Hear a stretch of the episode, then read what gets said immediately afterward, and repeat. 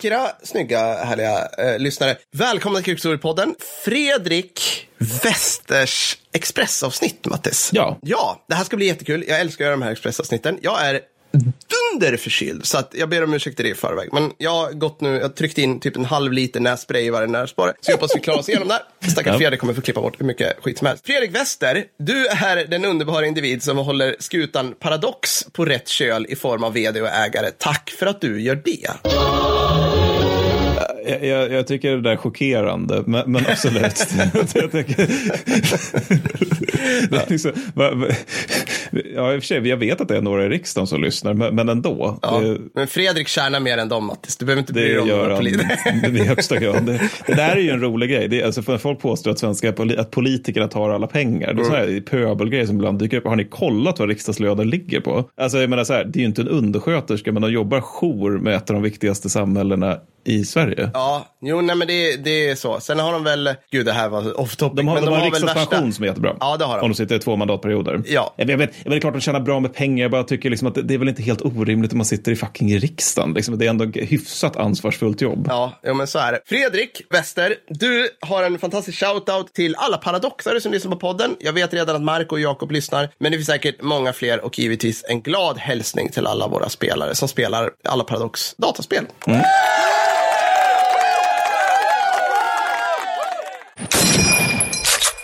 Vad ska vi prata om då? Jo, Fredrik är en klok och fin man, så han vill att vi ska prata om krigsspel såklart. Och det här är återigen, som alla dessa Expressavsnitt så blir det så här, ja ah, hur kul kan det vara? Och så börjar jag läsa på om det och så är det jätteintressant. Äh, fråga, menar Ja. krigsspel som alltså en en stabsövning eller krigsspel som i, jag sitter och gamear Total War på kvällarna? Mm, exakt, det, det, det är det första jag tänkte ta upp här. Jag har valt att tolka det här som det du kallade nu för stabsspel, lite så här äh, nedvärderande Mattis. Det kommer du fatta upp kan jag berätta för Ja. dig. Men, men det kommer vi göra. Precis, så att professionell wargaming är det man kallar det. Professional wargaming. Det är töntigt vanligt, ska jag säga till att börja med. Jag har kollat med folk som jobbar på typ så här ledningsträningsanläggningen och sånt på ledningsregementet i Sverige. Och de har, jag tror de har typ ett halvt dussin olika liksom, varianter på olika nivåer. Så där de, där de liksom spelar. Alltså från, från liksom att du är, ska man säga, en major under utbildning och så sitter du och spelar, ett, alltså sitter du och simulerar att du är typ artilleribataljongchef. Så ska du, då ska du skriva ordrar och så håller ni på på ett gigantiskt till liksom, typ total war. Ja, men liksom att, du, så här, att, det är, att det är liksom taktiskt på ett annat sätt. Sitter man fortfarande liksom med en stor karta då? Eller har, sitter man med en dator? Eller hur gör Du har, man? ka- du har både och. Du har både okej. och. Så det finns, det det, jag har, förstås, det finns alla Mm. nivåer. Och jag, jag, jag vet också, typ, jag tror att så här, folk på hjälteskolan sitter i så här, källaren på FOS och gör sådana här, ah, har spel också där de håller på. De liksom. sitter även på mässen på FOS har vi noterat via ja, vårt förra ja, jobb. just det. Just det. Vad spelar de då? Kommer ihåg Jag det tror fan de spelade, alltså det, det kanske var något lite mer avslappnat, men det, det såg ut som en väldigt nördig variant av risk. Liksom. Ja, precis. Exakt. Så det, finns, det finns massa sådana där. Det kan man googla. Det finns hur många som helst. Så att det här är, det är töntigt vanligt, och det, men det är rätt coolt. Vi börjar med frågesport, Mattis. Nu får du hålla, jag vill att du gnuggar genicknölarna för det här Mm. Okej. kommer vara ohyggligt svårt. Ja, okej? ja. Kan du gissa vilken europeisk nation som snickrade ihop det allra första krigsspelet, slash brädspelet, som skulle användas för att utbilda officerare? Preussen. Jag vet att det här är svårt. Ledtråd, färgen grå. Preussen. Plus till, ja okej, du kunde Ja, men bra, bra, du fixade det. Det var ju fantastiskt. Hur kunde du gissa det? Okej, bonusfråga Mattis. Och det, den här är ännu svårare, det är en 50, men så du får en 50-50. Okej. Var det en piprökande preussisk officer som hette von någonting, som gjorde det första spelet? Eller var det en långhårig gamer från Skövde spelutbildning? Eh, Jag tror A. Du tror, ja, alltså du är on the roll man. Alltså här, när man läser om det här så är det så här, ja men kan världen sluta vara så förutsägbar? Det är klart det var en preussisk officer från Reitzwir som satt och bara, hmm. Alltså det, de är liksom, hela preussiska officerskåren är ohyggligt nördiga farbröder under Ja. 200-300 år. Alltså det, det är nästan... Det är liksom så, Preussen är ett land där man liksom funderade för mycket på krig som fenomen. Det Ja, men de, så de är parodier på sig själva i det här läget så nu. Liksom. Bajarna funderar på öl för mycket, men preussarna på, på kriget. Det är väldigt roligt. Georg von Reichwitz insåg att man kunde nyttja helt vanliga kartor och flytta runt symboler på dem istället för att typ ha ett moddat schackbräde. För man, man var inte dum i huvudet. Alltså innan tidigt 1800-tal så, så fattar man, alltså man, man försökte på något vis öva, alltså abstrakt öva krigs, krig helt Ja, enkelt. ja. Men man kunde, man kunde inte riktigt bryta sig loss från att man hade tidigare eh, typ schack. Mm. Och att det är då strategiskt. Men schack är ju alldeles alltså det är för inrutat. Och Mm. då, det man gjorde då var typ så här dra, man hade rutor som man fick flytta sig mellan. Men allting det blev så fyrkantigt och följde inte terrängen på ett naturligt sätt. Mm. Hur ska vad ska jag ha för, för ja men typ, ja men ta Total War-spelen som är liksom dynamisk terräng både taktiskt och strategiskt mot till exempel, fan vet jag, så här gamla, du vet, alltså settlers. Säg. Ja, just det. Eller någon av de här mobilspelen där man liksom går i en, där går man ju, alltså, Plants vs. Zombies kanske, man, man går liksom i en linje framåt som man inte riktigt kan bryta. Exakt. Man går i lanes på det där sättet. Ja, precis. Så skillnaden är, ja men så här, spela Svea rike som jag gjorde på mellanstadiet. Nice, bra jävla spel. ja, eller spela Hearts of Iron. Ja, liksom. just alltså, det, den, just det. Ja. det är en rätt Mm. stor skillnad i, i liksom någon form av eh, ja, ja. Komplexitet och verklighets... Och de här, det här som han kom fram till då, som från och med nu kallas för Kriegsspiel på tyska, det är min perfekta tyska där, jag har Mm. perfekt uttal, är då ett slags, alltså eh, han var, för, han var först på rätt mycket. Det, det är rätt coolt för att han sa så här att det finns massa regler för hur långt eh, olika klossar och sånt kan skjuta. Men det du gör också att du har en domare. Ja, just det. Så Just det, det, det ja. är alltså inte, det är inte på, det är egentligen inte tärningsbaserat, Nej. utan det är domare. Men, men sen är det också så här, som han var inne på mycket då, att det, det spelar ingen roll om du Mattis eller jag vinner om du och jag spelar mot varandra. För Nej. vi är ju kadetter eller vi är Ja. officerare. Så här, vad har vi lärt oss? Just det. Vad kan vi dra för slutsatser av det här? Liksom? Det, det där vill jag minnas att eh, han, eh, vad heter han nu, Alfred där väl, Alfred von Schlieffen, alltså Mm. Mannen bakom, eh, mannen bakom den något kontroversiella, kontroversiella Schlieffenplanen eller Mm. Schlieffen-Moltke-planen, vad man ska kalla det, att han, han var domare vid något tillfälle Mm. innan första världskriget och då var det liksom att eh, en, en av de som körde det, det då sa, liksom, hans förband började retirera i krigsspelet Ja, ja. och då så tyckte han, eh, den, den officeren då, att nej men det skulle, alltså, jag skulle aldrig tillåta att det skedde. Nej. Eh, Så Schlieffen skrev liksom i, i slutordet, liksom sammanfattningen, divisionschefen stupade tappert medan resten av divisionen flydde, eller något sånt där. det är ju fantastiskt. Ja, men det är jätteroligt. Ja, men så här, det här blev ju då när, när eh, von Reichwitz införde det här, blev ju en smash hit. Mm. Det här var ju precis, det var ju liksom, mwah. det var ju som att ge så här, uppfinna iPhonen till Söder Kids liksom. så att, eh, det, och det, det är liksom, det, det var en sån, en, bara en sån sak att den lärde officerare att tänka själva i en slags sandlådemiljö. Mm. Var liksom rätt banbrytande. Fun fact, det var von Reichwitz som färgkodade egna styrkor som blå och fiendens som röd. Jaha, fan vad Det har ju intressant. stått sig rätt bra, Ja, skulle jag vilja säga. Alltså. I det, är svensk liksom kontext är det perfekt liksom. alltså, jag, men, jag, tror, i- jag, jag tror att det är totalt 100% globalt nu.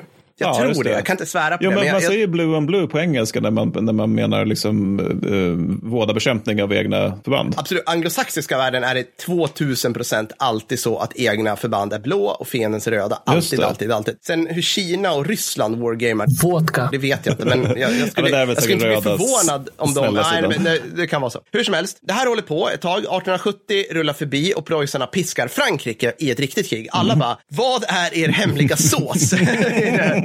preussarna pekar bland annat då på sina brädspel och anglosaxerna hakar på direkt. Framförallt då lite ot- otippat brittiska och, och amerikanska flottan. Jaha, ja. Mm, ja, så att, eh, nu, nu händer rätt mycket flottsaker här, så nu, nu får alla marinjärer bli glada igen. I avsnitt 106 så pratar vi om att japanska flottans utveckling under mellankrigstiden och framförallt dess doktrin eh, avhandlade vi då, så lyssna på det om vad de tyckte. Men kortfattat gick det ut på att i händelse av krig tänkte man sig att amerikanska flottan skulle ånga, alltså Japan tänkte sig att amerikanska flottan skulle ånga över Stilla havet och bli grundligt sänkta i ett hashtag avgörande slag. Mycket riktigt tänkte sig USA på det stora hela spela med i det här och Ja. göra detta och Yes. bli sänkta. Yes. Alltså det var liksom så här, de bara, jo men såklart vi gör det. Det var liksom planen under en stor del av 20 och en bit in på 30-talet. Men till skillnad från japanerna så valde marinstaben i Sjöstridsskolan i USA att testa detta med sina nya krigsspel som de då Aha, hade. ja. Ja, så de, de liksom, det här är ett balla bilder, men det är, liksom, det är en gymnastiksal som du flyttar runt små fartygsmodeller på med pinnar och såna här grejer. Ja. Det är lite kul. Mm. Resultat av många gånger de testade då att så här, okej, där borta är styrka orange, som, eller orange som de kallar det japanerna. Mm. Den blå styrkan fick liksom alltid stryk Just det. Mm. när man gjorde det så här. Man upptäckte att vi kan inte försörja dem, de blir inringade, de blir bekämpade. Så att de bara okej, mm. och då en ännu mera till skillnad från vad Japan gjorde när de upptäckte att någonting, att liksom när, när verkligheten och kartan skiljer sig, så ändrar faktiskt USA sin doktrin för att passa verkligheten. Det här är då extremt oärorikt, Mattis. Det förstår det är inte alls japanskt. Det är otroligt fegt. Ja. Ja, men eh, vadå? Man tänker sig då i händelse av krig att man ska typ så här, ta det lite piano och nyttja framskjutna baser, logistikhubbar och allierade länder i närområdet. Ni vet Rimligt. exakt det som gjorde att de vann.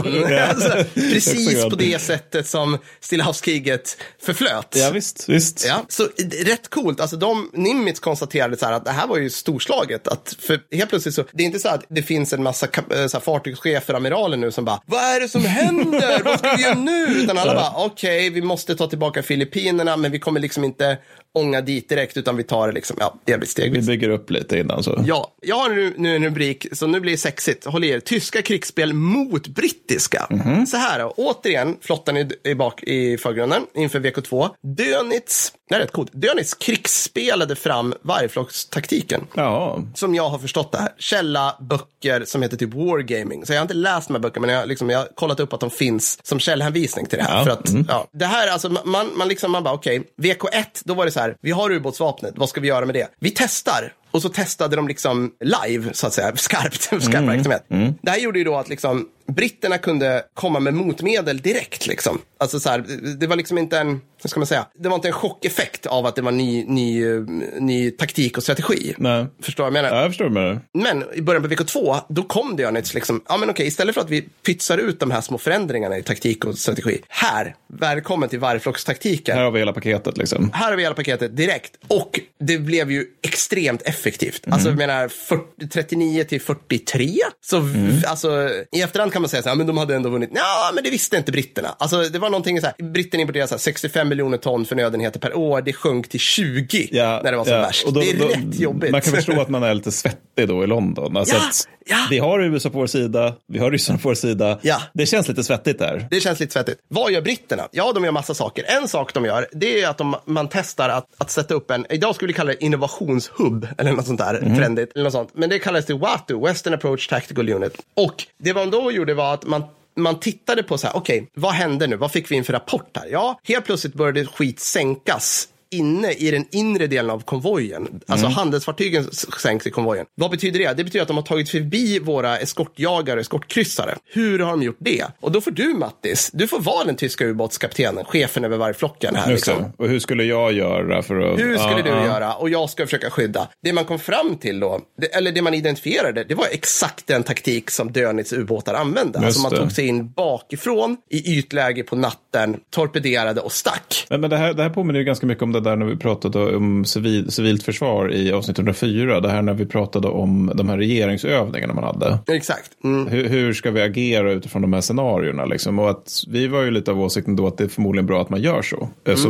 man inte drabbas av den här chocken att oj, nu, nu är ryssen här. Vad ska vi ta oss till? Nej, men, precis, men det, är ju, det du säger där, det är ju planer på ett Mm. sätt. Det man gjorde hos britterna, det var ju liksom att live, Ja. mot skarpa scenarion, kunna ta erfarenheter och omsätta dem omedelbart Mhm. till taktiska rutiner. Så att man, man, man fortlöpande under hela kriget utbildade en massa fartygschefer på så här, okej, nu har vi nya taktiken här för att komma åt ubåtar. Vi har eh, manövern hallon, manövern granatäpple, manövern banan, på riktigt, de hette så. Och så roligt. Okej, britterna vinner andra världskriget We are the chosen few. Ja, enligt många, eller enligt, enligt vissa, kanske beroende på att man, man var mer innovativ. Liksom, Ja, för att tyskarna slutade krigsspela. Ungefär. Alltså de, de, de liksom, ja men nu har vi vargflockstaktiken och det vi håller på med. Kalla kriget, så det är kul det här med krigsspel. Mm. För ibland kan det ge resultat som man inte vill ha. Kommer ni ihåg eh, till, till exempel, eh, som vi sa i då avsnitt eh, 106 var Mattis, med Japan där. Mm. Att de, de krigsspelade vissa saker, upptäckte sig att det här funkar inte, men de sket i det. Ja. Lite samma sak här. Det är typ som när jag torskar i risk. Liksom. Det är inte kul, men kanske nödvändigt att lära mig att det är svårt att hålla Östeuropa. Hur som helst, låt mig presentera Sigma-spelen i USA inför Vietnam mellan 63 och 67. Där krigsspelar man hur en gradvis eskalering mot Nordvietnam Nordvietnam skulle te sig. Man testade vilken effekt bombning av Nordvietnam skulle ha samtidigt som man satte in marktrupp för att få bukt med VC.